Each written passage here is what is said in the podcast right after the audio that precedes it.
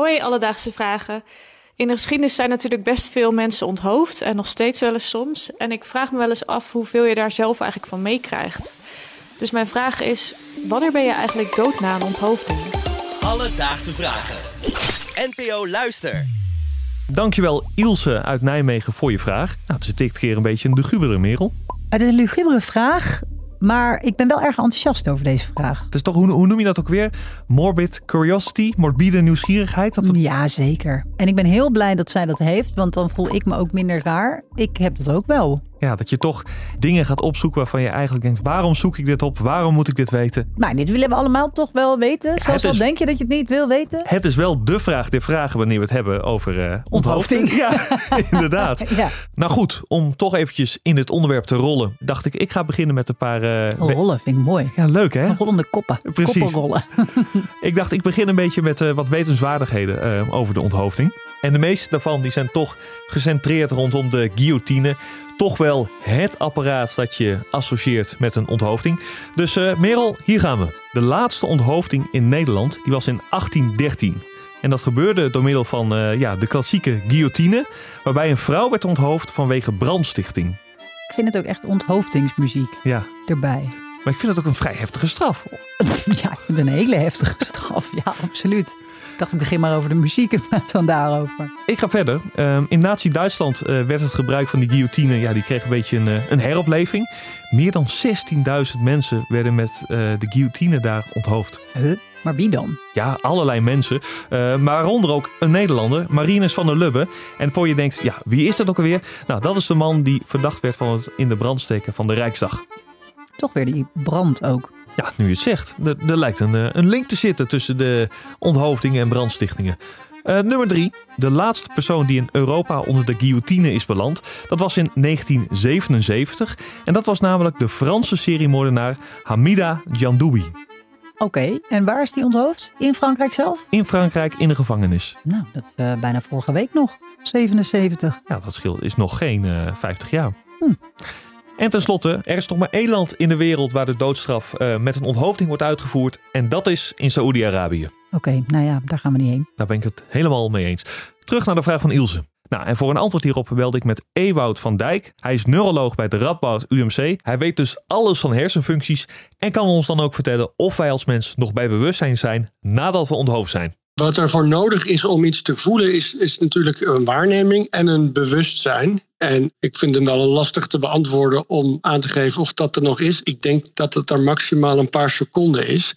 En daarom werd dit eh, bijvoorbeeld in de middeleeuwen ook wel gezien, eh, onthoofding, als een relatief milde doodstraf ten opzichte van bijvoorbeeld verbranden of vierendeling. Omdat je heel snel dood bent en daar voor rest niet zoveel van merkt. Maar als je iemand verbrandt of je gaat hem in vieren delen, in vier stukken uit elkaar trekken, dan is dat natuurlijk heel pijnlijk. Dus dat voel je wel. En de adel die werd eigenlijk onthoofd, omdat dat een milde dood was ten opzichte van de gewone burgerij die verbrand werd of in vieren gedeeld werd. Oké, het lijkt me ook heel lastig te testen of zo, toch? Ik bedoel, het is niet heel ethisch verantwoord om te zeggen... Nou, deze groep gaan we even lekker onthoofden. En dan maken we een paar aantekeningen van... Zeg eens wat, Gerda. toch? Nee, klopt. Dat is zo. Bij mensen zou het eh, zeker onethisch zijn. Nou, eigenlijk bij dieren ook. Maar ik moet wel zeggen, bij dieren is het wel degelijk getest. Zelfs in Nederland, eh, bij de Universiteit eh, aan Nijmegen, hebben ze een aantal ratten onthoofd. Eh moet wel gezegd worden, die ratten zouden sowieso al sterven. Wat lief zeg. Ja, heel lief. Ehm, dat onderzoek werd uitgevoerd om te achterhalen of het ethisch verantwoord was om proefdieren te onthoofden zonder verdoving. En uit dat onderzoek bleek dat na een aantal seconden ja, die dieren eigenlijk niks meer voelden en het bewustzijn weg was. Ik vind een paar seconden echt nog lang hoor. Ja, Ik heb wel eens eh, gezien in mijn lugubere uren, als ik dit soort dingen opzoek, dat je wel degelijk in ieder geval nog, nog een soort van beweegt nadat je onthoofd bent. ja, dat kwam ik dus ook tegen toen ik voor deze aflevering onderzoek deed. Zo was er eh, het verhaal van de Franse wetenschapper Antoine Lavoisier. Hij belandde onder de guillotine en hij zou na zijn onthoofding nog 15 keer geknipoogd hebben. Ja, ik ben zo blij dat ik nog nooit iemand heb hoeven onthoofden. sorry voor deze anekdote, Merel. Ehm, ik heb het nog wel eventjes aan Ewoud gevraagd. Hoe zit dat nou? Ja, Eh, wat zegt het? Inderdaad, kun je je nog bewegen als je onthoofd bent? Nou, misschien nog een paar seconden, maar daarna gaat er geen bloed meer naar de hersenen toe. En ook met name niet naar de hersenstam toe. En dan verliest dat uh, vrijwel direct zijn functie. Dus uh, misschien in de eerste seconde nog wel, want dan is er nog zuurstof en nog suiker in het bloed. En, en daarmee kan, kan je bepaalde bewegingen maken. Waarschijnlijk niet meer beredeneerd of precies gewild, maar ehm, ja, theoretisch is dat denk ik wel mogelijk, maar maar heel kort. Want daarna is er gewoon geen energie meer en geen zuurstof meer. En dan verlies je ook je functie. Dat vond ik wel een belangrijke anekdote wat hij dus net zei. Want je, je leeft dus nog heel even door.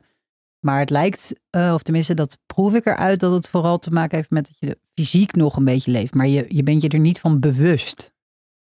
Nou ja, je brein stopt niet meteen met werken. Er zit nog bloed met zuurstof in. Dus echt nog een paar seconden, ja, werkt je brein. Hoe bewust je op dat moment bent, ja, dat blijft toch een beetje de vraag. Want zoals je zei, we kunnen het de mensen niet meer vragen. En een test doen, ja, dat is toch een beetje onethisch. Dus Ilse, om antwoord te geven op je vraag: wanneer ben je dood na een onthoofding? Nou, waarschijnlijk is dat al na een paar seconden. Je verliest dan het bewustzijn omdat er te weinig zuurstof en suiker naar je hersenen gaat. En in die tijd zul je nog een paar ongecontroleerde bewegingen kunnen maken met je hoofd. Maar daarna is het toch echt over. Heb jij ook een vraag? Stuur ons dan een berichtje op Instagram. Dat kan naar Alledaagse Vragen. Of je kan een mailtje sturen naar alledaagsvragen.bnnvara.nl en dan zoek ik het voor je uit. En neem altijd even een kijkje bij ons op de socials. Want daar doen we altijd nog een soort van extraatje wat te maken heeft met de vraag van vandaag. En vergeet niet om de podcast met vijf sterren te beoordelen. Vijf. Vijf, hè? Vijf. Vijf. Anders onthoofding. Merels woorden. Quote me niet. Herhaal dit niet. Alledaagse vragen. NPO Luister. BNN Vara.